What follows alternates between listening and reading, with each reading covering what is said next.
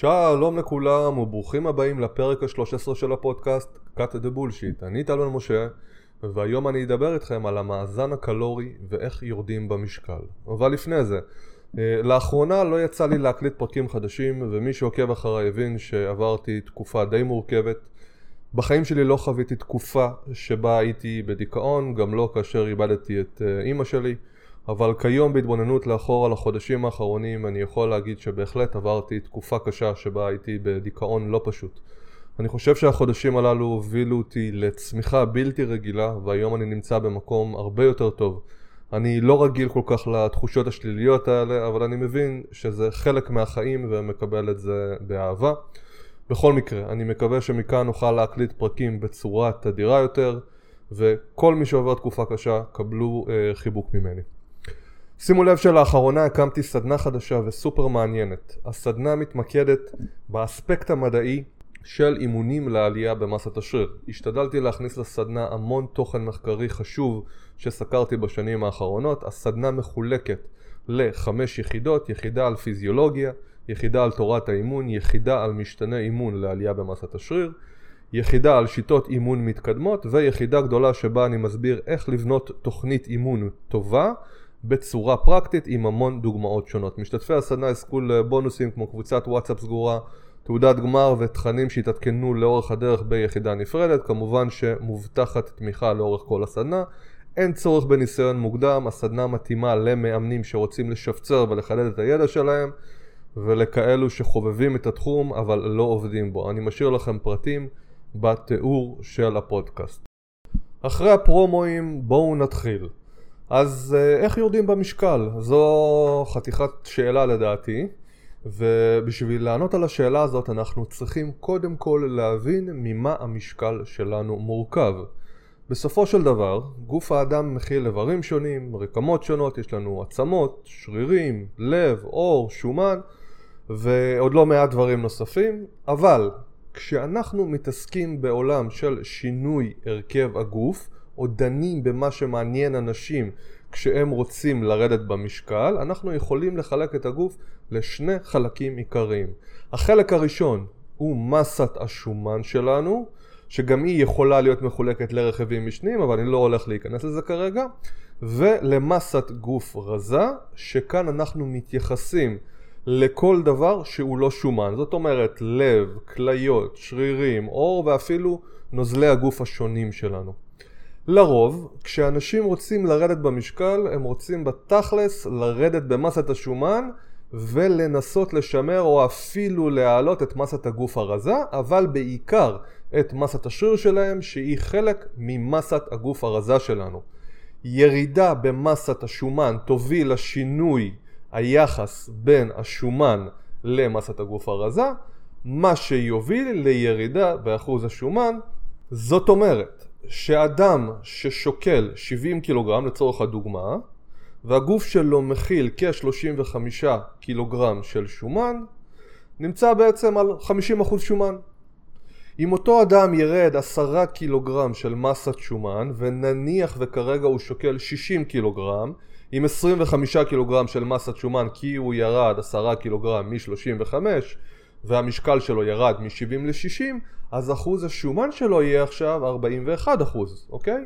שימו לב שביצוע של פעילות גופנית ובמיוחד אימוני כוח יוביל לשימור מקסימלי של מסת הגוף הרזה ואפילו לעלייה במסת הגוף הרזה, בתכלס זה אה, בעיקר מסת השריר שלנו, מה שבעתיד יכול להוביל ולשנות את היחסים בין המרכיבים השונים בגוף וזה הרבה פעמים יכול להוביל למשקל גוף גבוה יותר עם אחוז שומן נמוך יותר. אז בואו ניקח ככה את אותה דוגמה שהצגתי לפני ונניח שאותו אדם ירד עשרה קילוגרם של שומן אבל על הדרך גם עלה חמישה קילוגרם של מסת שריר. אז כרגע יש לו בגוף 25 קילוגרם של שומן, אוקיי? כי הוא ירד מ-35 עם משקל גוף של 65 קילוגרם ולא 60 קילוגרם כמו שהצגתי מקודם בגלל העוד 5 קילוגרם של מסת שריר אבל כרגע אחוז השומן שלו הוא כ-38% ולא 41% כמו שהצגתי לכם מקודם אז בתכלס אותו אדם שוקל יותר אבל בפועל הוא רזה יותר. אה, בלי אימונים, ובמיוחד בלי אימוני כוח, כמו שציינתי לפני, לא רק שלא תהיה עלייה במסת הגוף הרזה בתהליך ההרזייה, יכולה להיות אפילו ירידה במסת הגוף הרזה, זאת אומרת שאותם עשרה קילוגרם שירדנו בהתחלה, בדוגמה הראשונה, לא יהיו מורכבים רק ממסת שומן, אלא גם ממסת גוף רזה, אה, חלק מזה יהיה כמובן גם אה, מסת שריר, נניח 8 קילוגרם מסת שומן ו-2 קילוגרם מסת גוף רזה, בכזה מצב 60 קילוגרם על המשקל כבר לא יהיו 41% כמו בדוגמה הראשונה שהצגתי, אה, אלא מעט יותר. אז בשורה התחתונה משקל יכול לתת לנו כיוון מסוים, אבל מה שחשוב לנו יותר זה היחס בין מסת השומן למסת הגוף הרזה אה, וזה הפקטור הכי דומיננטי. זה לא אומר שצריך ללכת לעשות בדיקה של אחוזי שומן, אבל רצוי שתיתנו לעצמכם את הסיכוי הטוב ביותר לירידה איכותית במשקל הגוף, וזה על ידי ביצוע של אימוני כוח בתהליך. סופר חשוב לי uh, להדגיש את הנושא הזה. אחרי שהבנו את הרעיון הבסיסי של שינוי הרכב הגוף ואת החשיבות הגדולה של ביצוע אימונים בתהליך, בואו נדבר קצת על קלוריות. מה זה קלוריות שאתם כל הזמן שומעים עליהן וקוראים עליהן? קלוריה, או יותר נכון קילו קלוריה, אנחנו אבל נקרא לזה קלוריה, זו יחידת מידה אנרגטית. האנרגיה הדרושה להעלאת גרם אחד של מים במעלה אחת. אפשר גם להגיד שקלוריה זו יחידת מידה לחום. בסופו של דבר ניתן לפרק את מכלול התהליכים בגוף ולסכם אותם בקלוריות. אתם יושבים, אתם מוציאים קלוריות. אתם רצים, אתם מוציאים קלוריות. אתם ישנים, אתם מוציאים קלוריות. כלל התהליכים המטאבוליים שקורים בגוף, זאת אומרת לצורך התפקוד התקין של הגוף, רק בשביל הקיום שלנו, כלל התהליכים האלה דורשים אנרגיה וניתן לבטא אותם בקלוריות. תחשבו על זה, למה חם לכם יותר כשאתם מתאמנים? בגלל שאתם מוציאים יותר קלוריות ותכף נבין את זה בצורה אפילו טובה יותר. אה, קצת אה, פיזיקה כימיה, לפי חוק שימור האנרגיה, אנרגיה לא יכולה להיעלם, אלא אה, רק להיות מומרת לצורה אחרת. זאת אומרת שאותן קלוריות שהכנסתם לגוף שלכם דרך התזונה, דרך המזון שאכלתם, לא יכולות להיעלם להן ככה סתם, משהו חייב לקרות על הדרך. אז באמת חלק מהאנרגיה הזאת תומר לעבודה, אוקיי? למשל אימון, למשל תנועה של השרירים. אה, או תהליכים מטאבוליים אחרים. חלק ממנה תומר ישירות לחום, אבל בסופו של דבר, אחרי שמסכמים את כלל התהליכים, הכל יומר לחום, ויהיה אפשר למדוד את השינוי בחום הזה, אוקיי? אז בואו ננסה להבין את זה עוד יותר לעומק. אה, אבי הכימיה המודרנית, אנטואן לבוזיה, ביצע ניסוי שבו הוא לקח שרקן, אוקיי? החיה שרקן, ושם אותו בתא קרח מבודד לסביבה החיצונית. עם הזמן, הקרח נמס והפך למים כמו שהיינו מצפים. המדידה של כמות הקרח שנמסה אפשרה ללבוזיה להבין כמה חום עבר מהשרקן לקרח בפרק הזמן הזה. התא שהוא בנה היה מבודד הרי לסביבה החיצונית. הרי אמרנו שקלוריה זו מדידה של חום, אז ההבנה הזאת אפשרה לנו לדעת כמה קלוריות שרקנים מוציאים בזמן מנוחה, או כמה חום עובר מהשרקנים לסביבה. ככה בדיוק עובדים בני אדם, רק שאנחנו לא שמים לב לזה ולא מתעסקים לרוב בפליטת חום הגוף של אנשים בזמן מנוחה. אוקיי, אחרי שהבנו את הסיפור הזה, אנחנו צריכים לדבר קצת על מקורות לקלוריות. לגוף האדם יש כמה מקורות אנרגיה, המקור הגדול ביותר הוא שומן, אותו שומן שאתם רוצים במרכאות לשרוף. אגב, למה אנחנו משתמשים במילה לשרוף? כי תהליך הפקת האנרגיה בגוף, אוקיי, מאותו שומן, זהה לתהליך של שריפה של דברים חיצוניים, למשל שריפת נייר. בשביל לשרוף נייר יש צורך בחמצן, אוקיי? כמו החמצן שאנחנו נושמים. יש גם צורך בחומר בעירה שהוא הנייר עצמו, אבל בגוף אלו חומרים אחרים כמו שומנים, חלבונים, אבל זה לא בדיוק ככה, קצת אה, דברים שהם אה, מסתבכים להם. וכמובן שיש צורך במקור אנרגיה, ניצוץ או להבה, ובגוף שלנו האנרגיה מגיעה גם כן ממקומות אחרים שלא ניכנס אליהם כרגע. אה, לאחר שהנייר נשרף, נפלט פחמן דו-חמצני, בדיוק כמו שאתם נושפים החוצה, וגם המים בדיוק כמו שהגוף שלנו מפיק. אז אם תחשבו על זה, השומן או הפחמימה שאתם שורפים אה, הופך ברובו לפחמן דו-חמצני ומים. אבל אה, בכל מקרה, גרם אחד של שומן טהור בגוף האדם מכיל לערך כ-9.4 קלוריות. בשביל לקבל אנרגיה מהשומן אנחנו צריכים שחומצות השומן יעברו מסלולים מטאבוליים מסוימים ויובילו לייצור של ATP שהוא מטבע האנרגיה של הגוף, עם ATP הגוף שלנו יודע לבצע תהליכים שעולים אנרגיה. אה, ככל שיש לנו יותר קלות אז כמובן שאפשר לייצר יותר ATP וכמובן שאפשר גם לייצר חישובים של כמה קלוריות יש ב-ATP ולרדת לרזולוציות שהן באמת לא יהיו רלוונטיות אה, כמעט לאף אחד. מקור האנרגיה הבא הוא פחמימות או יותר נכון גלוקוז שיהיה בגוף בצורה חופשית או כגליקוגן שנאגר בשרירים שלנו ובכבד. גוף האדם מכיל יחסית מעט גלוקוז וגליקוגן ולכן מקור האנרגיה הזה קטן ומוגבל. אה, גרם פחמימה תניב בערך אה, כ-4.2 קלוריות לערך. חשוב לציין שגליקוגן נאגר בגוף עם מים. בממוצע על כל גרם גליקוגן יש כשלוש גרם מים ולכן הרבה פעמים נראה ירידה מהירה במשקל בתחילת תוכנית תזונה, בתחילת דיאטה, רק בגלל הירידה בנוזלים שמצטברים יחד עם גליקוגן.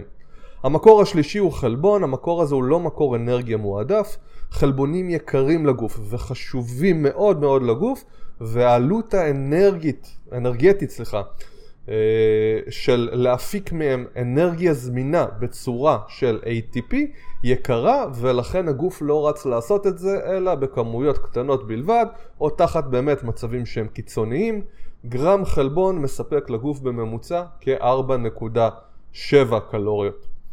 אחרי שהבנו את הקונספט הזה, יהיה לכם יותר קל לקרוא תוויות מזון ולראות ממה הן מורכבות. חשוב לדעת שעל אה, תוויות מזון הערכים הקלוריים שונים וגרם שומן מכיל כ-9 קלוריות, גרם פחמימה וגרם חלבון מכילים כ-4 קלוריות. הסיבה העיקרית היא שהגוף צריך להשתמש באנרגיה בשביל לספוג את הנוטריאנטים האלה ויש שם עוד כמה חישובים נוספים ולכן יש כאן חישוב סופי אה, ממוצע שאנחנו, אה, שהוא טיפה נמוך יותר מהחישוב שהצגתי לפני זה.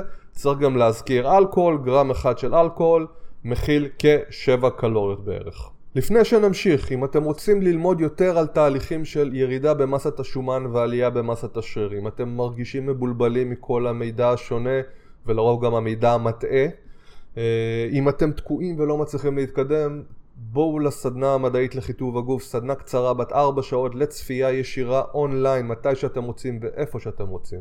אחרי הסדנה הזאת אתם uh, תדעו לסדר את התזונה שלכם בצורה מעולה ולא תצטרכו להתבלבל יותר. אני משאיר לכם uh, פרטים גם לסדנה הזאת בתיאור של הפודקאסט. בסופו של דבר, אם מסתכלים על גוף האדם כמכלול, אז קילוגרם של שומן טהור יכיל כ-9,400 קלוריות לערך, אבל שומן נאגר בגוף גם עם נוזלים, גם עם מים, ולכן בפועל קילוגרם של רקמת שומן, שזה לא שומן טהור, אה, תכיל בערך 7,500-8,200 קלוריות, תלוי איך אנחנו מחשבים, וזה אם אנחנו מניחים שקילוגרם של רקמת שומן מכילה כ-80 עד 87 אחוז שומן טהור והיתר מים, זה כמובן אומדן גס ואנחנו לא צריכים לדעת את זה בצורה אה, מדויקת. קילוגרם של מסת שריר, שימו לב, תכיל כאלף קלוריות לערך, מאחר שבקילוגרם של שריר יש לנו כ-20% חלבון ועוד קצת שומן וגליקוגן, כל היתר מים, אז אפשר במיידית לראות ששתי הרקמות הללו, למרות שהן שוקלות אותו דבר, קילוגרם שומן מול קילוגרם של שריר, מכילות כמות שונה מאוד של אנרגיה.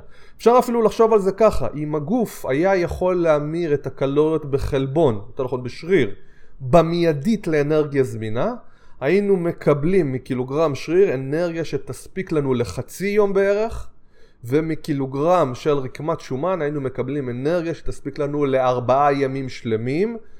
וזה בהנחה ואנחנו מוציאים בכל יום כאלפיים קלוריות, זה לא באמת קורה ככה, אלא רק לצורך הדוגמה. מכאן אנחנו יכולים לראות שהמשקל שלנו יכול אה, הרבה פעמים להטעות אותנו, ולכן בטווח הקצר מאוד, תנודתיות במשקל לא מספרת לנו בערך כלום. למשל ירידה של 400-500 גרם גליקוגן, מה שיספיק לנו בערך ליום אחד של אנרגיה, תוביל לירידה של יותר משתי קילוגרם במשקל הגוף. אוקיי, אז אה, אחרי שהבנו את הרעיון הכללי של קלוריות ומאגרי האנרגיה בגוף, בואו נראה איך כל הסיפור הזה מתחבר לנו ביחד וננסה להבין איך אנחנו משמינים ואיך אנחנו מרזים. כשאני מדבר על השמנה והרזייה, אני מדבר כרגע על שינוי במסת השומן בראש ובראשונה, שלאורך זמן זה גם יתבטא במשקל הגוף, כמובן ככל שאנחנו נרד יותר יש סבירות יותר גדולה שהירידה היא יותר ממסת גוף, אה, ממסת השומן. בשביל אה, להבין אבל את הנושא הזה בצורה טובה יותר אנחנו צריכים לבחון את ההוצאה הקלורית שלנו בכל יום. ולצורך הסיפור הזה אנחנו צריכים לחזור לשרקנים של לבוזיה ולהבין שבכל רגע נתון הגוף שלנו משתמש באנרגיה לשלל תהליכים.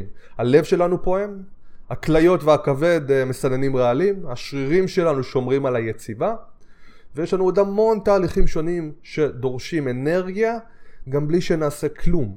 אם צריך לכמת את האנרגיה הזאת, אז אני יכול להגיד לכם שבממוצע ביום אחד הכליות שלנו מוציאות כ-440 קלוריות לכל קילוגרם של כליות, כל קילוגרם של שריר שורף בממוצע כ-13 קלוריות ליום, המוח שלנו דורש כ-240 קלוריות ליום לכל קילוגרם, והלב שלנו דורש כ-400 קלוריות ליום לכל קילוגרם. שימו לב, אלו, אלו רקמות אה, פעילות מאוד מבחינה מטאבולית, גם ביחס לשרירים שלנו.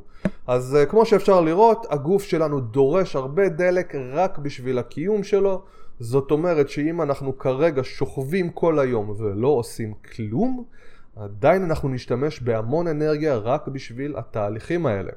להוצאה הקלורית הזאת אנחנו קוראים הוצאה קלורית במנוחה, או BMR או RMR, תלוי איך אנחנו uh, מודדים.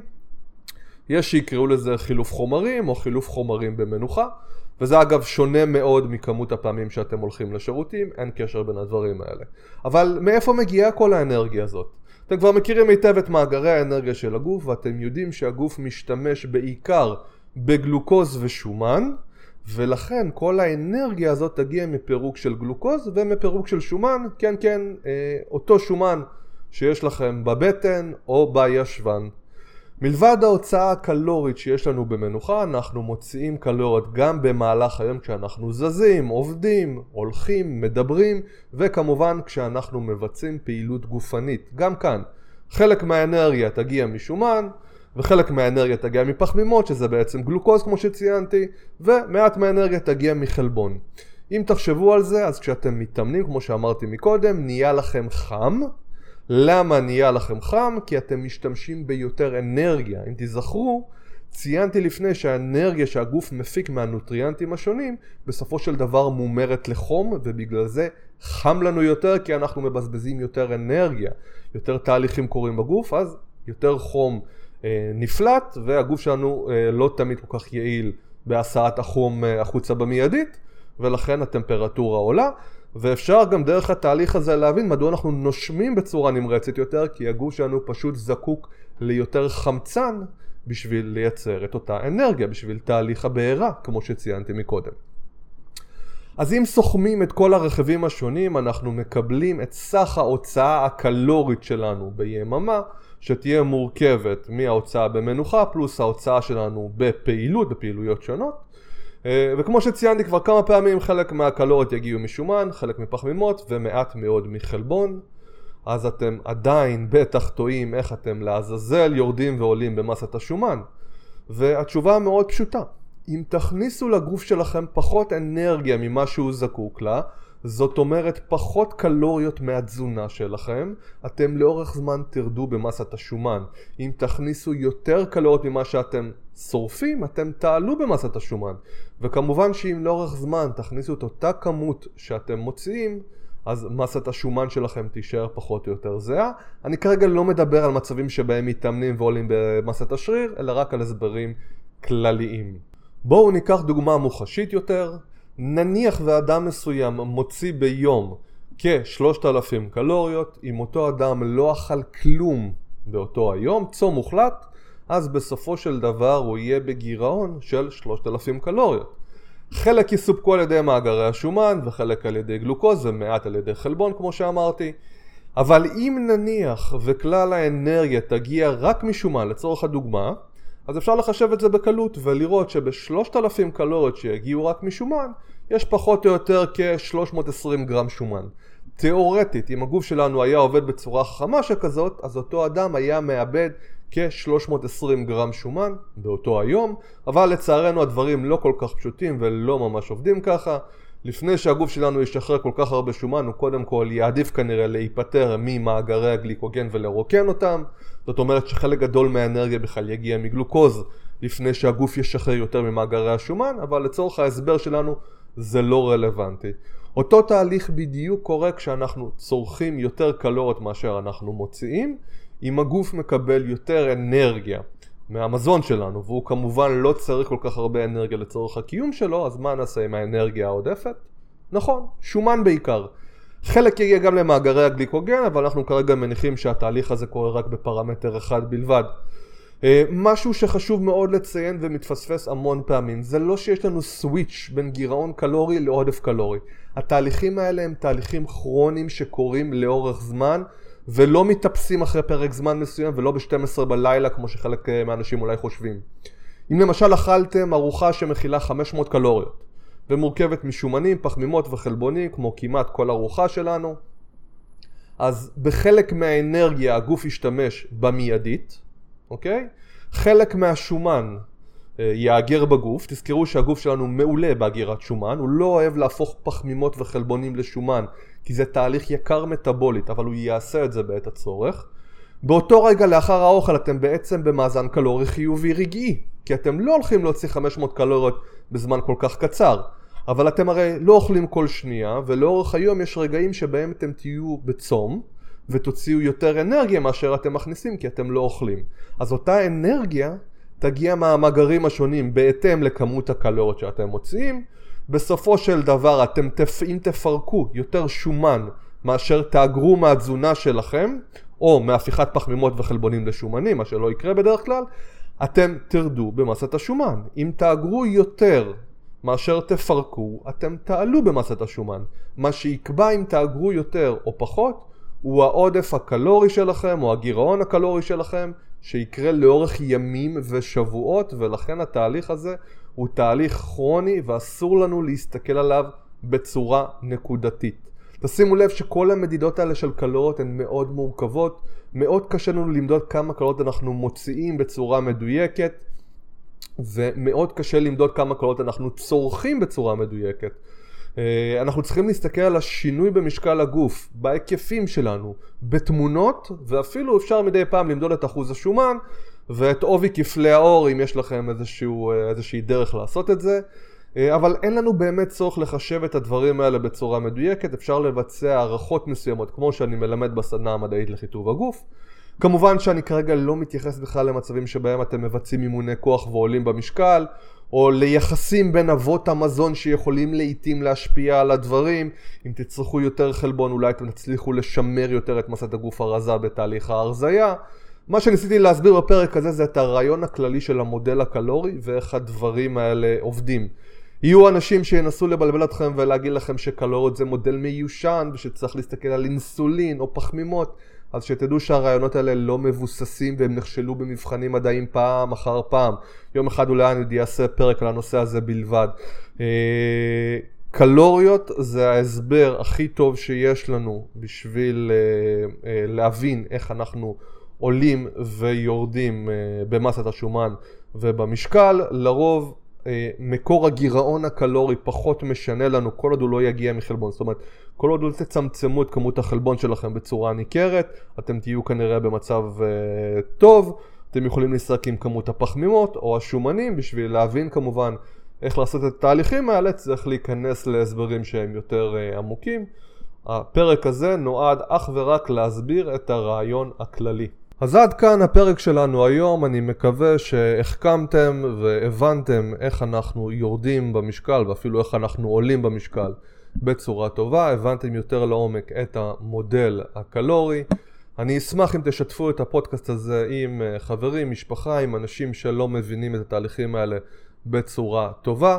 ב-20 לשביעי אני מקיים הרצאה יחד עם הפסיכולוג, פסיכולוג הספורט נועה מנור, אה, הרצאת זום על אה, מוטיבציה ועל טווחי תנועה לעלייה במסת השריר, אני אצרף קישור להרצאה הזאת אה, בתיאור של הפודקאסט, אפשר למצוא אותי בפייסבוק ובאינסטגרם תחת השם טל בן משה, אפשר לשלוח מייל ל-mytrainer6 את gmail.com אני מצרף כישורים לכל הקורסים והסדנאות שלי בתיאור של הפודקאסט ואני מקווה שנשתמע בקרוב. Tchau, tchau.